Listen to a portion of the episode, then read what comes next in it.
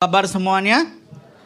Luar biasa. Saudara, saya sangat uh, bersyukur atas kepemimpinan dari tempat ini mempercayakan saya saya boleh berada di tengah-tengah saudara. Nah, saudara, saya beberapa bulan terakhir ini saya perhatikan di sosial media maupun saudara di berbagai tempat, ada banyak orang saudara mulai berbicara tentang akhlak. Apalagi saudara uh, sepupu kita mereka sering berbicara. Bukan hanya itu aja saudara. Saya lihat di sekolah, di parlemen maupun saudara di dalam pemerintahan. Banyak hal saudara mereka selalu saudara sounding tentang hal ini. Apa itu saudara akhlak? Karena ada sifat-sifat yang merusak perbuatan-perbuatan. Maka itu saudara pada waktu saya mulai mendengar kata itu.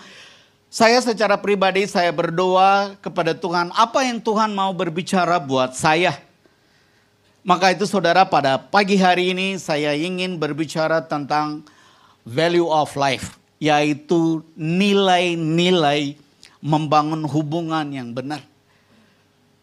Salah satu sumber kekacauan di dalam rumah tangga, salah satu sumber kekacauan di dalam saudara pernikahan, salah satu sumber kekacauan di dalam mendidik anak, salah satu sumber kekacauan di dalam pelayanan karena kita tidak memiliki nilai-nilai membangun hubungan yang benar.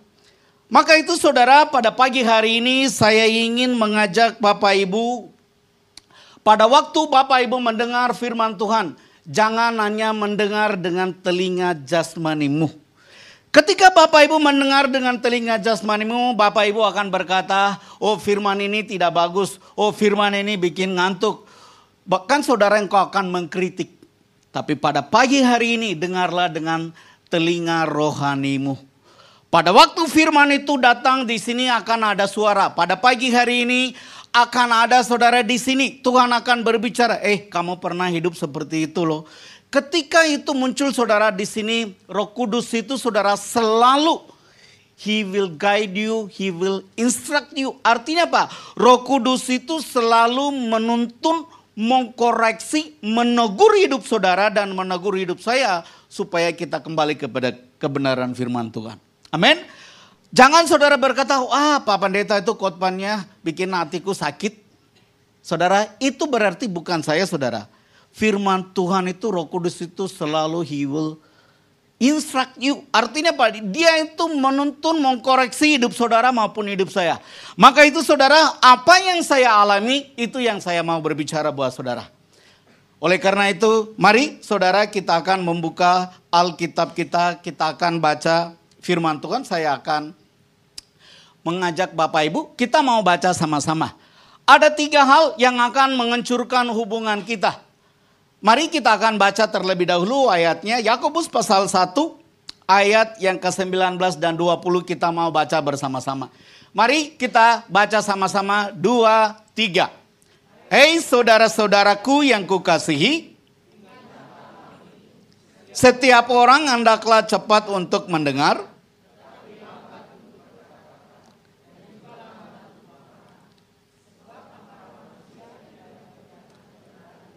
Amin.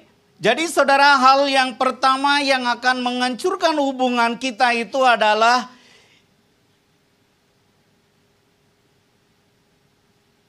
sorry. Oke, hal yang bolehkah uh, sorry, uh, boleh di ini lagi di set. Hal yang pertama saudara menghancurkan hubungan kita itu adalah emosional. Firman Tuhan yang barusan kita baca dikatakan di dalam Yakobus pasal 1 ayat 20 dikatakan sebab amarah manusia tidak dapat mengerjakan kebenaran di hadapan Allah. Mari saudara pada pagi hari ini saudara dan saya itu mengizinkan kita akan introspeksi diri kita.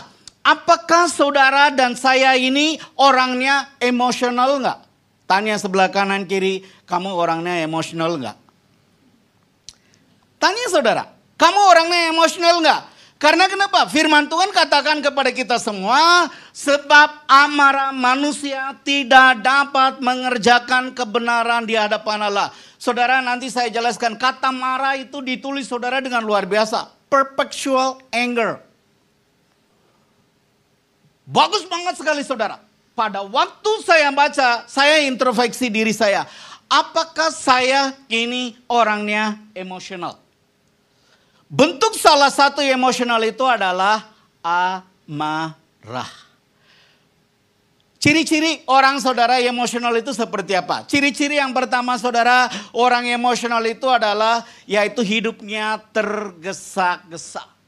Apa-apa saudara tergesa-gesa, entah itu dia mau ke kantor, entah itu dia mau ke gereja, entah itu dia mau makan, dia mau mengantar orang. Apa pun saudara dia kerjakan, hidupnya tergesa-gesa. Maka itu saudara Amsal berkata kepada kita semua, firman katakan begini, orang tergesa-gesa hidupnya nggak pernah tenang. Tanya sebelah kanan kirimu, kamu hidupnya tenang nggak? Kalau kita lebih lanjut saudara kita ingin tahu apa ciri-ciri orang emosional. Ciri yang berikutnya itu adalah reaktif. Bukan saudara proaktif. Reaktif artinya begini. Entah itu saudara pada waktu saudara seorang pria mengalami kegagalan di dalam bisnis.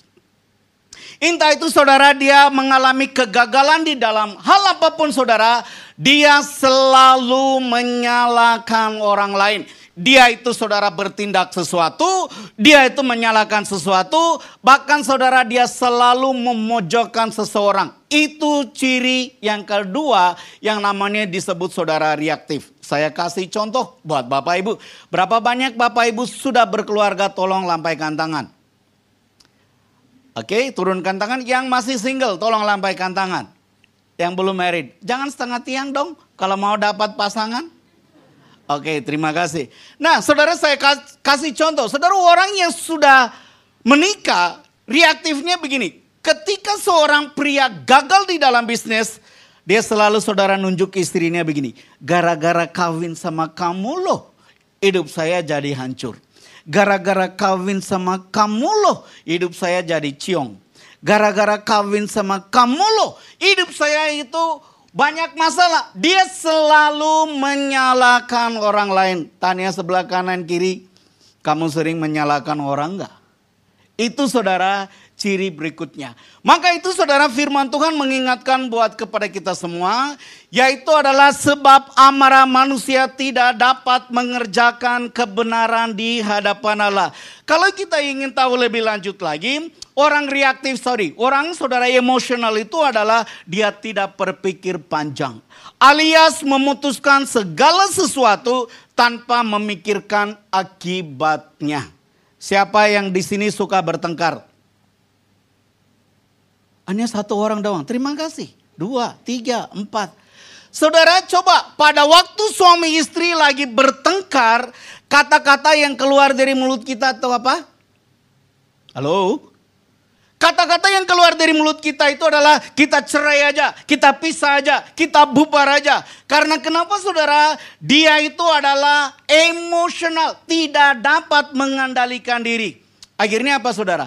Ketika dia berkata kita cerai aja, kita pisah aja, dia tidak pernah berpikir panjang. Eh nanti kalau aku cerai anak-anaknya gimana? Hartanya gimana? Pekerjaannya gimana? Maka itu saudara hari ini firman Tuhan mengingatkan kepada kita semua Orang emosional gampang tersinggung, gampang marah, gampang sensi.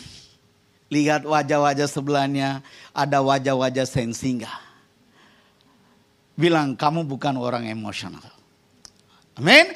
Saudara, hari ini firman Tuhan itu saudara berbicara kepada kita. Mari saudara, kita akan mengintrospeksi diri kita.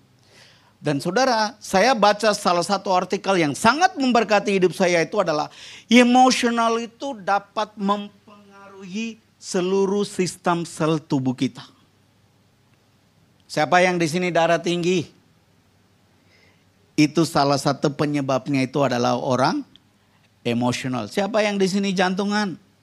Itu orangnya emosional. Mari saudara hari ini apa pun keadaan kita, kita mengizinkan firman Tuhan itu boleh mengkoreksi, intervensi diri kita. Sebab amarah manusia tidak dapat mengerjakan kebenaran di hadapan Allah. Pada waktu saudara lagi emosional, jangan pernah mengambil keputusan. Pada waktu saudara lagi emosional, jangan pernah saudara bertindak sesuatu apa pun. Pada waktu saudara lagi emosional, ingat firman Tuhan ini. Yakobus pasal 1 ayat yang ke-20 berkata, sebab amarah manusia tidak dapat mengerjakan kebenaran di hadapan Allah. Salah satu ayat lagi saya ingin mengajak kita baca semua. Mazmur 37 ayat yang ke-8 kita mau baca. Mari baca sama-sama, dua, tiga. Berhentilah marah, tinggalkan panas hati itu. Jangan marah, itu hanya membawa kepada kejahatan. Bapak Ibu, dalam berapa bulan terakhir ada berbagai kasus diekspos di media sosial. Itu disebabkan karena apa?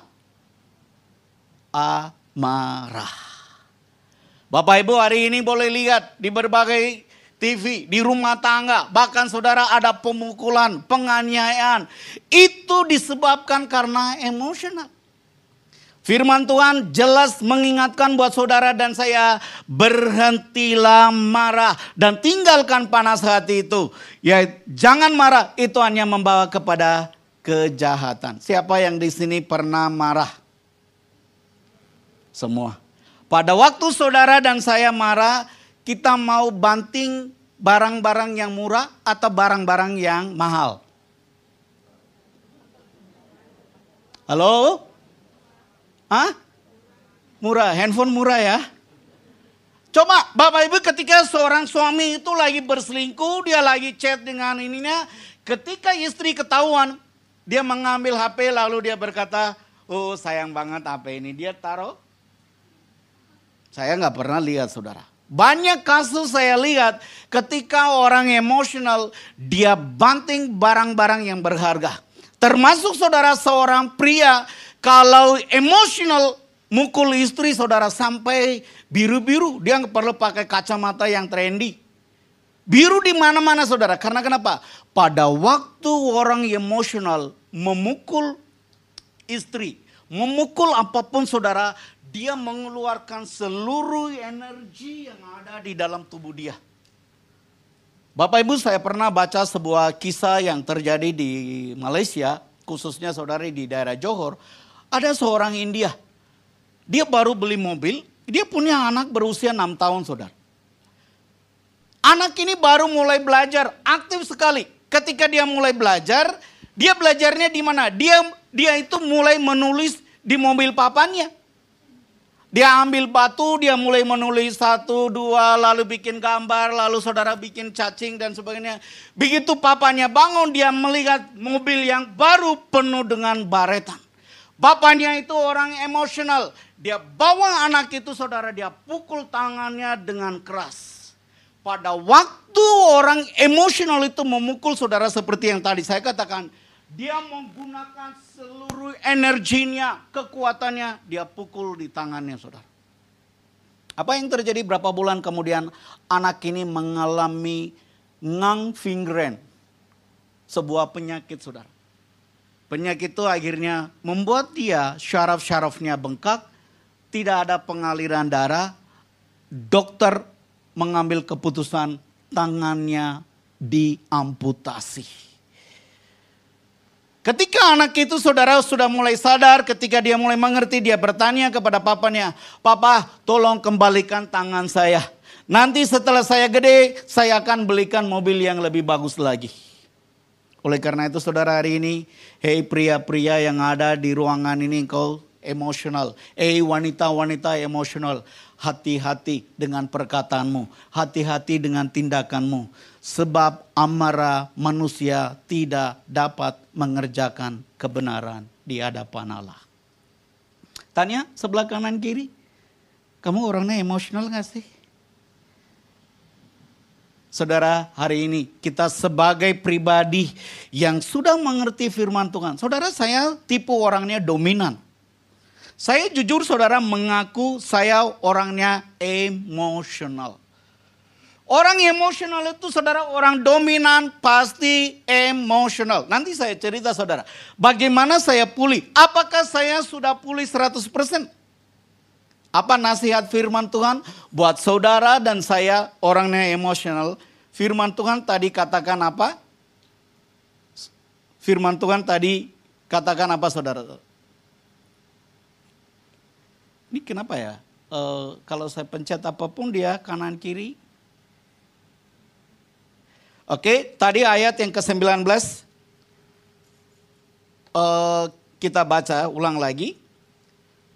Yakobus pasal 1 ayat yang ke-19 kayaknya di ini ini error ya saya kanan kiri tetap ini saya minta tolong operate dari uh, depan aja. Eh sorry belakang supaya tidak mengganggu. Saya minta maaf saudara. Oke kita akan baca saudara perhatikan ayat yang ke-19. Ayat yang ke-19 berkata begini, cara sembuhnya diri emosional itu gimana sih? Saya tidak mau saudara kasih tips dari apa pun. Tapi kita kembali kepada firman Tuhan. Yakobus, Rasul Yakobus itu menulis buat saudara dan saya itu dengan luar biasa. Firman Tuhan katakan apa saudara? Hei saudara-saudara yang kukasihi, ingatlah hal ini. Setiap orang hendaklah cepat untuk marah. Apa saudara? Mendengar jika saudara orangnya emosional, nasihat firman Tuhan buat saudara dan saya itu adalah belajar mendengar. Bahasa Inggrisnya itu bagus banget. There is a big difference between hearing dan listening. Hearing itu pakai kuping. Listening itu pakai seluruh panca indera kita. Tapi dalam bahasa Yunani ditulis dengan kalimat yang bagus banget sekali saudara. Yaitu akuosin Akuosin artinya kita harus mendengar secara mental, kita harus mendengar secara fisikal, kita harus mendengar secara spiritual. Nasihat firman Tuhan saudara buat saya, saya sebagai orang emosional, saya itu saudara perlu mendengarkan secara mental, secara fisikal dan spiritual. Bagaimana saya caranya sembuh? Seperti tadi saya katakan saudara, saya orangnya dominan dan emosional banget. Apa-apa saudara saya bisa emosional. Cara sembuhnya gimana? Pada waktu saudara di dalam pelayanan, ada orang-orang tertentu ketika saudara setelah pandemi ini, banyak orang mengalami penurunan secara finansial. Mereka berkata, Pak, kami tidak sanggup lagi melakukan ini, ini. Lalu mereka berkata begini, kami mau jual aset kami, kami mau kembali ke kampung. Pada waktu orang itu datang mulai cerita, saya saudara duduk mendengarkan mereka. Saudara saya tipe orangnya sulit untuk mendengar. Tuhan menyembuhkan saya lewat apa? Ketika saya duduk dan mereka mulai cerita. Suami cerita sejam, istri cerita sejam. Dua jam kemudian saudara, saya doain mereka, setelah itu saya tanya, apakah Bapak mau jual aset, mau kembali ke kampungnya? Mereka berkata, kami pikir-pikir dulu. Bukan saudara mereka yang sembuh, saya yang sembuh. Apa pun saudara saya itu kalau orang datang, saya itu tidak pernah bertanya begini-begini. begini. Ujungnya apa? Maunya apa? Akhirnya saudara saya mulai belajar firman Tuhan itu menyembuhkan saya ketika saya mulai mendengarkan orang lain. Eh pria-pria yang ada di sini pria-pria lampaikan tangan. Apakah pria-pria sulit mendengarkan istri? Nggak ada yang jawab. Saya tanya ke istri aja dulu deh. Istri-istri tolong jawab. Suamimu pribadi yang suka mendengarkan engkau? Ah, ada yang bilang enggak. Kenapa saudara? ketika istrimu mulai berbicara, eh pria-pria yang sudah menikah, ketika istri mulai berbicara, mendengarkan dia. Bukan saudara hearing, tapi saudara pakai menggunakan pakai bahasa Yunani, mendengarkan secara mental, mendengarkan secara spiritual, mendengarkan saudara secara fisikal. Ketika istrimu berbicara jangan pernah berkata, radio rusak udah datang. Saudara, hari ini saya mau katakan, istrimu bukan radio rusak. Saudara, survei sudah membuktikan seorang wanita sehari, berapa hari? Sehari dia harus berbicara 15 ribu kata. Menantu, sorry maksud saya uh, mertua harus berbicara 18 ribu. Dan kenapa saudara? Mertua dan menantu selalu ribut terus. Kalau menantunya sudah habis 15 ribu, mertua masih punya 3 ribu. Sisa lagi, ngoceh terus akhirnya ribut. Maka itu saudara, hari ini, hei pria-pria, ketika istrimu berbicara, mendengarkan dia. Istri-istri yang duduk di sebelah suamimu, bilang sama suamimu, khotbah itu untuk kamu loh. Saudara, saya sebagai pria, saya berani mengaku saudara. Karena kenapa? Tidak ada cara yang lain. Nasihat firman Tuhan buat saudara dan saya itu belajar mendengarkan dia. Satu kali saudara, ini terjadi di dalam keluarga saya. Satu kali saya lagi saat teduh, pada waktu saya lagi saat teduh, tiba-tiba firman ini menegur saya lewat Amsal. Lalu saya tanya sama istri saya, Rin, sisa uang dapur kamu berapa? Nada saya saudara nggak tinggi. Saya hanya bertanya, dia yang emosional. Dia masuk ke dapur, dia keluarin list belanjaan dia sepanjang ini. Indomie sekian, gula sekian, beras sekian, sabun sekian, ini sekian, ini sekian, ini sekian. Di, ya, taruh di meja saya, dia pergi. Saya bilang begini, Tuhan makhluk kayak gini hadapinnya gimana? Dia itu bukan saudara makhluk setan, tapi makhluk apa? Halus. Lalu saya baca semuanya itu, lalu ambil pulpen, lalu saya tanda tangan. John Raj mengetahui, lalu saya pulangin lagi ke dia saudara. Hari ini, hei pria-pria, ketika anakmu berbicara, dengarkan dia. Secara apa? Mental, fisikal, dan spiritual. Kalau engkau orangnya saudara yang emosional, lakukan firman ini. Mendengarkan istrimu, mendengarkan anak-anakmu. Pasti engkau akan sembuh. Halo?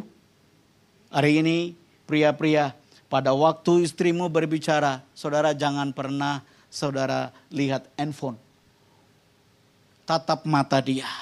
Apa yang dia berbicara, apa yang dia ucapkan, apa yang dia katakan dengarkan dia. Kalau 1500 kata sehari kalau belum keluar, saudara harus apa? Mendengarkan, butuh kasih karunia untuk mendengarkan istrimu. Halo? Kasih tahu sebelah kanan kiri. Aku mau jadi pria yang mendengarkan istri.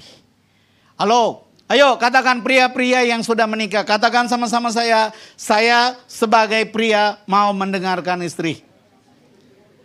Mau mendengarkan anak-anak. Amin. Itu adalah saudara prinsip yang pertama. Hal yang pertama yang akan menghancurkan hubungan kita itu adalah emosional. Cara sembuhnya gimana? Halo? Mendengar. Bukan hanya saudara hearing. Tapi apa? Akuosin mendengar secara mental, mendengar secara fisikal, mendengar secara spiritual. Hal yang kedua yang akan menghancurkan hubungan kita adalah egois. Mari kita akan baca ayat firman Tuhan. Yakobus pasal 3 ayat 16. Mari kita baca sama-sama 2 3. Sebab di mana ada iri hati dan mementingkan diri sendiri, di situ ada kekacauan dan segala macam perbuatan jahat.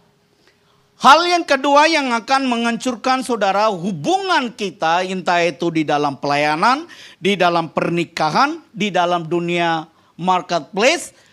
Hal yang kedua saudara yang menghancurkan hubungan kita itu adalah egois. Kata iri hati dan mementingkan diri sendiri saya rangkum jadi satu kata egois. Apa ciri-ciri orang egois? Nasihat firman Tuhan buat orang egois itu adalah jelas banget. Di mana pun dia berada akan menjadi apa?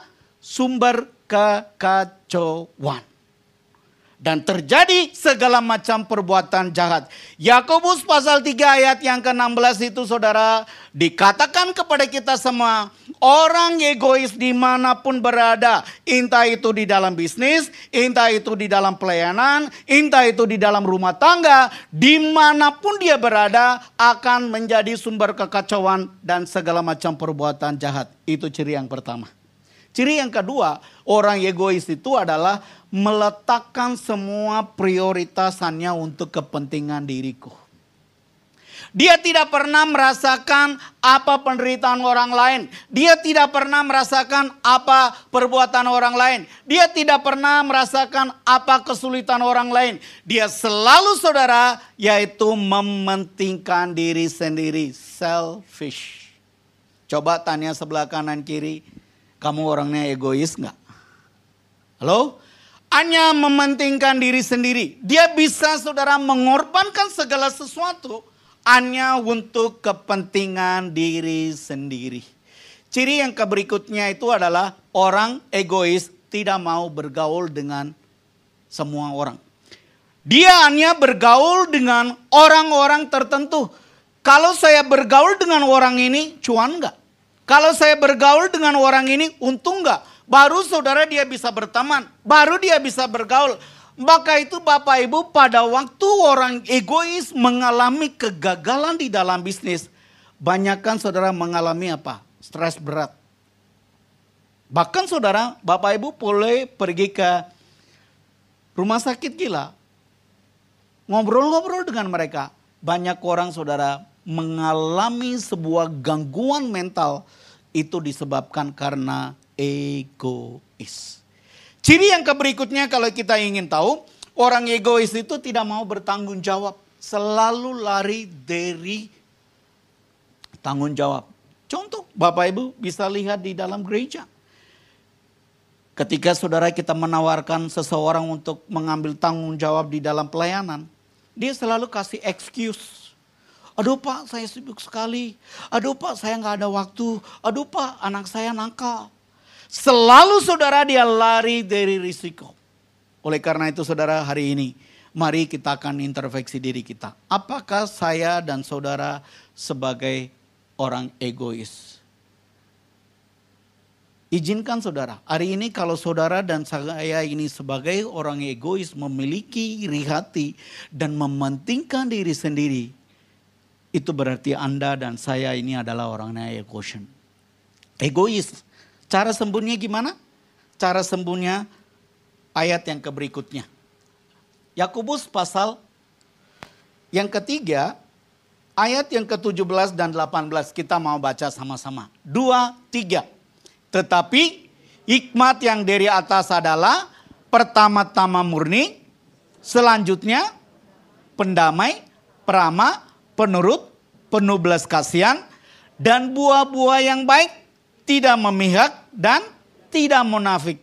Dan buah yang terdiri dari kebenaran ditaburkan dalam damai untuk mereka mengadakan damai.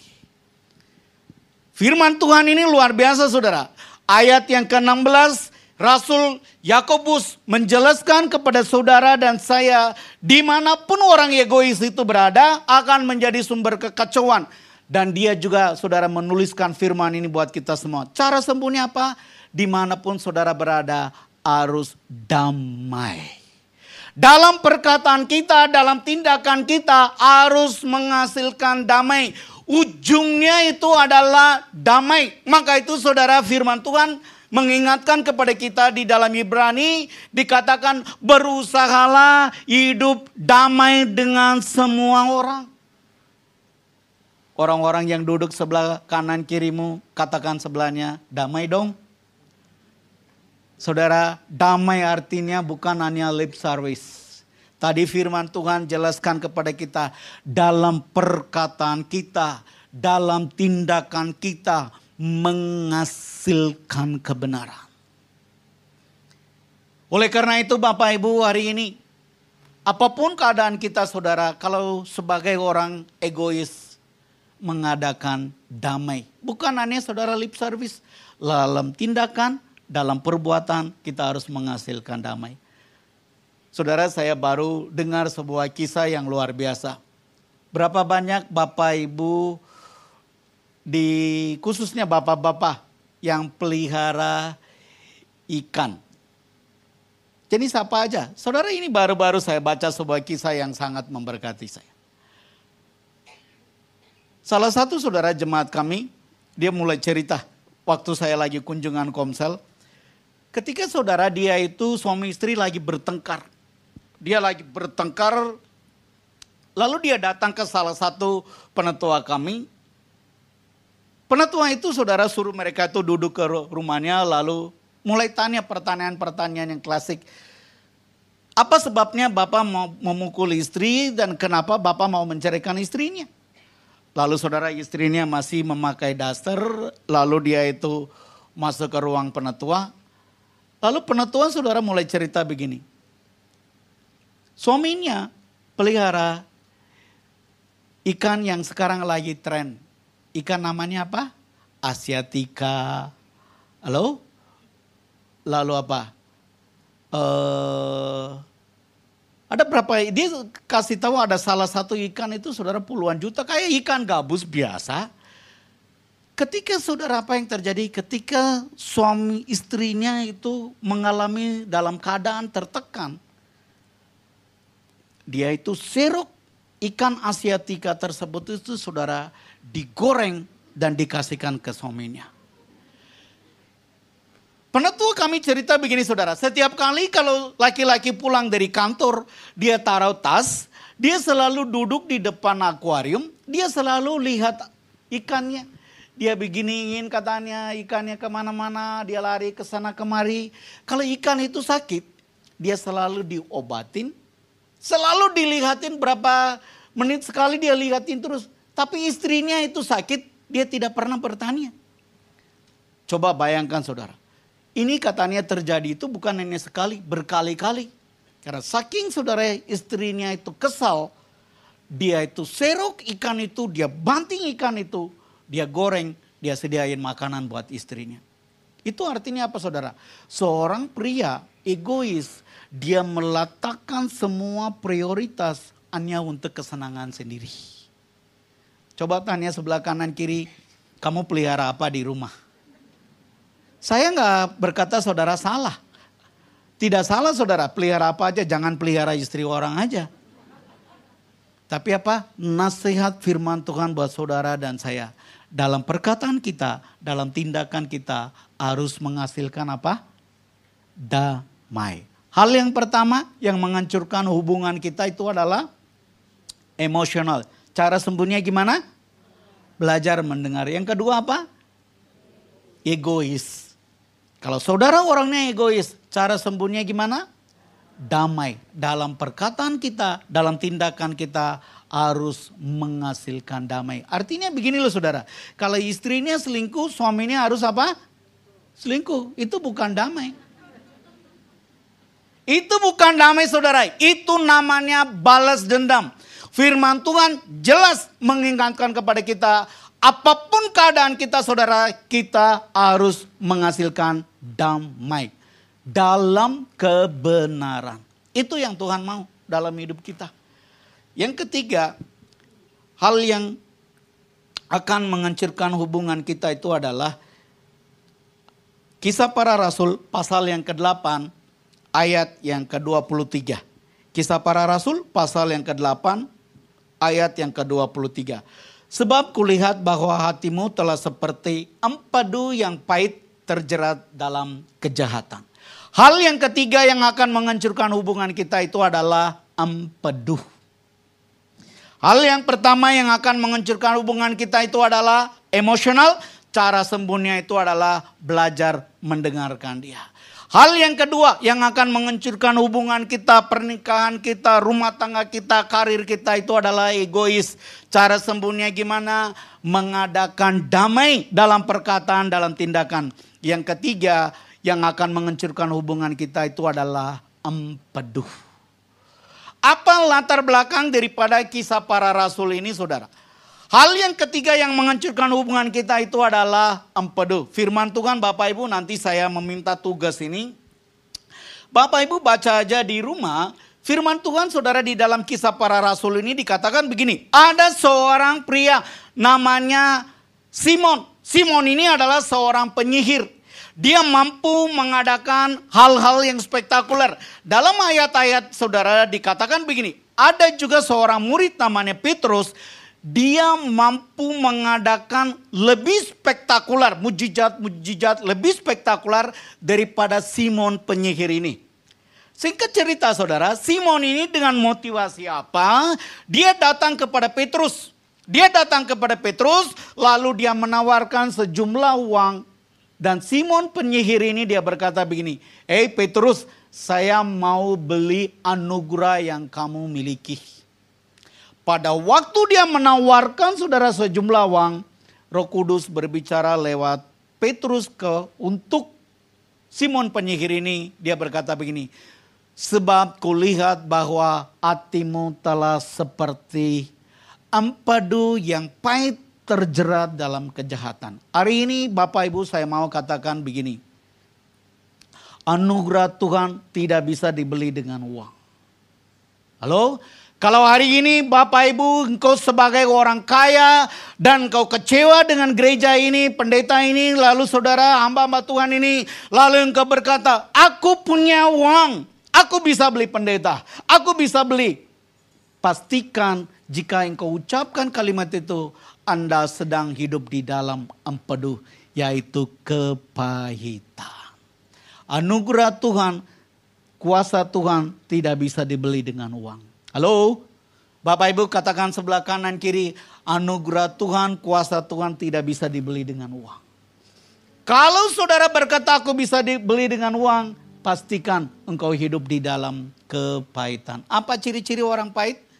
Ciri-ciri orang pahit itu saudara jarang membaca Alkitab. Halo? Jarang membaca Alkitab.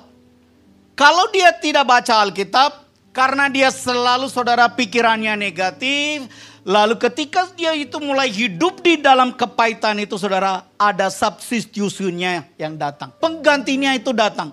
Penggantinya itu apa? Cinta uang, lalu saudara kenajisan. Coba Bapak Ibu perhatikan. Ketika seorang pria kecewa dengan istri. Demikian juga seorang wanita kecewa dengan suaminya. Selalu larinya kepada apa? Hal-hal yang merusak diri perjinahan, perselingkuhan, obat-obatan dan sebagainya. Kalau ciri yang berikutnya saudara, kalau orang hidup di dalam kepahitan itu, dia tidak pernah saudara berpikir positif, selalu negatif. Apa aja saudara dia lihat negatif. Ketika firman Tuhan itu datang menegur dia, hmm, lihat pendeta itu. Dia itu nyinggung perasaan saya Minggu depan saya nggak mau lagi datang ke gereja. Saudara hari ini saya katakan, jika perkataan saya menyinggung perasaan saya, saudara, please, itu bukan dari saya. Roh Kudus ingin menegur saudara, mengingatkan saudara supaya kita bisa kembali kepada Tuhan. Ciri yang keberikutnya apa? Ciri yang keberikutnya orang yang hidup di dalam kepahitan itu dia nggak mau minta maaf. Kata maaf itu saudara mahal sekali dalam hidup dia. Ciri yang lanjut, saudara, orang kalau pahit, dia tidak pernah menyelesaikan masalah. Coba Bapak Ibu saya memberikan sebuah tugas kepada Bapak Ibu. Orang yang hidup di dalam kepahitan, empedu, dia tidak pernah menyelesaikan masalah. Dia selalu lari. Apa yang dia lakukan persoalan ini, dia lakukan di persoalan yang lain. Dia lakukan di gereja yang lain. Demikian juga terhadap saudara-saudara yang lain. Maka itu Bapak Ibu, salah satu ciri orang hidup di dalam kepahitan adalah datang ke gereja terlambat, duduk di belakang, pulang duluan. Enggak di sini ya. Ya, karena tempat kita itu pas. Jadi bukan di sini saudara, ada di gereja di sana. Tapi kumpulnya di sini. Halo, saya mau kasih tahu, please Bapak Ibu, kalau kebaktian kita itu mulainya jam 7.30. On time Bapak Ibu, datang hadir. Tunggu sampai ibadah itu selesai dan menerima berkat secara korporat dari gembala kita. Itu artinya saudara sebuah berkat holistik saudara dan saya akan menerima. Maka itu Bapak Ibu kalau sebelum ibadah itu selesai jangan keluar dulu. Walaupun ke toilet keluar masuk lagi tunggu sampai ibadah itu selesai. Saudara, saya pernah lakukan sebuah survei. Orang yang datang ke gereja terlambat pulang duluan, dia pulang enggak? Enggak. Kalau di depan itu ada jualan, ngobrol. Hmm, itu tadi coba pendeta khotbahnya lama banget. Hmm, itu coba Asher itu tadi saya mau kasih salaman, ah dia itu buang muka. Selalu saudara dia itu selalu saudara berbicara tentang hal-hal yang negatif aja. Oleh karena itu Bapak Ibu dikatakan begini saudara. Di dalam uh, Ibrani pasal yang ke-12 ayat 15. Mari kita baca sama-sama. Saya sudah selesai. Saya minta worship leader mari mempersiapkan diri. Ibrani pasal 12 ayat 15. Mari kita baca sama-sama. Janganlah supaya jangan ada seorang pun menjauhkan diri dari kasih karunia Allah. Tolong garis bawahi, jangan menjauhkan diri dari apa? Kasih karunia Allah agar jangan tumbuh akar yang pahit yang menimbulkan kerusuhan dan mencemarkan banyak orang. Bapak Ibu, hari ini saya mau kasih tahu, kepahitan itu adalah roh itu bisa transfer ke orang lain. Dalam bahasa Yunani kata yang digunakan di ayat ini saudara fikria. Fikria artinya saudara itu bisa merusak kehidupan orang lain. Contoh saudara boleh saya ambil contoh siapa ya? Saya ambil contoh dia aja. Misalnya saudara saya itu hidup dalam kepahitan. Saya kecewa sama dia. Lalu saya datang kepada dia, saya berkata begini, namanya siapa? Rudi. Saya bilang begini, hati-hati ya sama Rudi. Saya ngomong apa? Saya nggak ngomong hal apa pun saudara, cuma ngomong hati-hati. Karena saya punya roh yang pahit, roh pahit itu transfer ke dia. Dia pulang, dia mikir, eh tadi kenapa ya Pak Jono bilang hati-hati sama Rudi. Otomatis saudara dia mulai mengimajinasi. Kalau dia kecewa sama dia, eh bener loh apa yang tadi Pak Jono bilang. Itu akan apa? Merusak kehidupan banyak orang Bapak Ibu. Hari ini saya mau katakan, sekecil apa pun saudara yang podo yang ada di dalam hatimu. Cara sembuhnya gimana? Cara sembuhnya itu adalah kita baca ayatnya yang berikutnya. Yaitu saudara, Ibrani pasal yang ke-9 ayat yang ke-22. Dan hampir segala sesuatu disucikan menurut hukum Taurat dengan darah. Tanpa penumpahan darah tidak ada pengampunan. Saudara saya masih ingat seorang worship leader, Evan Robert. Kalau Bapak Ibu kalau dengar lagu-lagunya dia itu di abad yang ke-19 dia itu adalah seorang worship leader yang luar biasa Ketika salah satu jemaat itu datang menegur Evan Robert, dia kecewa. Dia meninggalkan pelayanan. Akhir hidup dia itu hancur. Hari ini kita bisa melihat di tengah-tengah gereja kita hari-hari ini saudara. Banyak orang di awal mula pelayanannya hebat. Pelayanannya luar biasa. Ketika dia kecewa dengan seseorang, dia tinggalkan pelayanan. Lalu hari ini saya bisa saudara buktikan dan Bapak Ibu boleh melihat orang yang kecewa tidak menyelesaikan masalah. Dia pergi dari gereja, pergi dari rumah, pergi dari perusahaan, pergi ke mana pun saudara. Dia tidak pernah mengalami kemenangan. Satu-satunya cara gimana? Nggak ada cara yang lain saudara. Yaitu dengan darah pengampunan. Siapa pun saudara hari ini mengecewakan engkau, entah itu suami, istri, papa, mama mertua, siapa pun saudara. Hari ini engkau mengampuni orang, itu artinya saudara engkau merilis. Saudara saya suka sekali sebuah statement. Bolehkah klik sebuah kutipan saya ambil, bukan sebelumnya. Menyimpan dendam itu seperti kita minum racun, tapi berharap orang lain mati. Saudara, orang yang kecewa, dia selalu menyimpan dendam. Dia selalu saudara ingin merusak. Hari ini saya mau katakan, Bapak Ibu merilis pengampunan. Saudara dan saya tidak bisa mengampuni tanpa penumpahan darah, yaitu adalah darah Kristus. Hari ini saya mau mengajak Bapak Ibu, kita datang pada Tuhan. Mari kita sama-sama bangkit berdiri. Kita akan saudara sejenak kita mau introspeksi diri kita.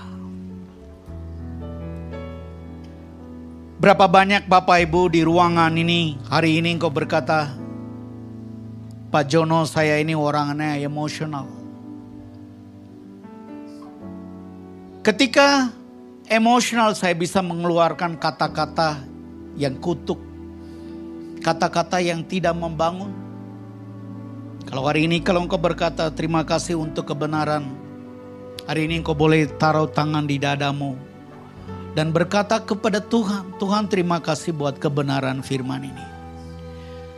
Saya sebagai pria, saya sebagai wanita, saya mau belajar taat kepada firman. Mendengar. Kalau engkau belajar mendengar, pasti saudara, engkau akan sembuh. Hari ini saya bersyukur Bapak Ibu, saya mengalami sebuah kesembuhan. Berapa banyak Bapak Ibu engkau orangnya egois.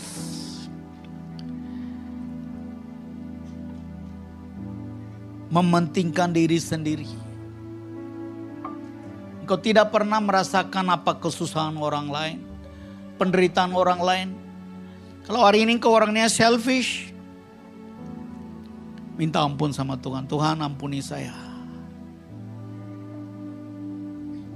Berapa banyak Bapak Ibu engkau kecewa kecewa terhadap papa mama, kecewa sama suami atau istri, papa mertua atau mama mertua, atau kepada siapa pun Bapak Ibu. Minta ampun sama Tuhan. Tuhan, biar darah Yesus mengalir, menyucikan, membersihkan hati saya. Empeduh dan kekecewaan itu adalah sebuah roh yang akan mencemarkan hidup saudara dan mencemarkan saya. Oleh karena itu saudara, rilis pengampunan. Tuhan ampuni saya. Kita tidak bisa sanggup saudara untuk mengampuni orang lain kecuali darah Yesus Kristus yang mencurahkan di dalam hatimu. Dan berkata kepada Tuhan, Tuhan ampuni saya.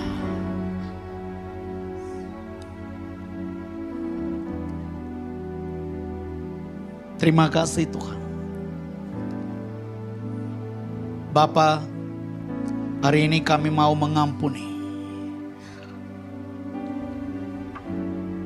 Kami mau hidup di dalam hidup berkemenangan. Terima kasih Tuhan. Terima kasih. Bapak, hari ini hambamu bersyukur buat kebenaran firman-Mu. Engkau terlebih dahulu menegur hambamu. Engkau terlebih dahulu menyembuhkan hambamu ini ya Tuhan. Hari ini saat ini hambamu berdoa buat seluruh jemaat yang ada di sini. Mereka itu datang mengakui keberadaan mereka di hadapanmu. Engkau adalah Tuhan yang berdaulat. Tuhan yang sanggup menyembuhkan, Tuhan yang sanggup memulihkan, Tuhan sanggup mengembalikan apa yang telah kehilangan dari kehidupan keluarga dan rumah tangga mereka. Hari ini saya percaya Tuhan menuntun memimpin engkau. Amin.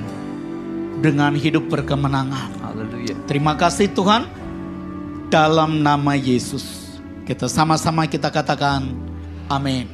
Mari saudara kita beri tepuk tangan yang paling meriah buat Tuhan kita. Tuhan berkati kita semua. Silakan duduk.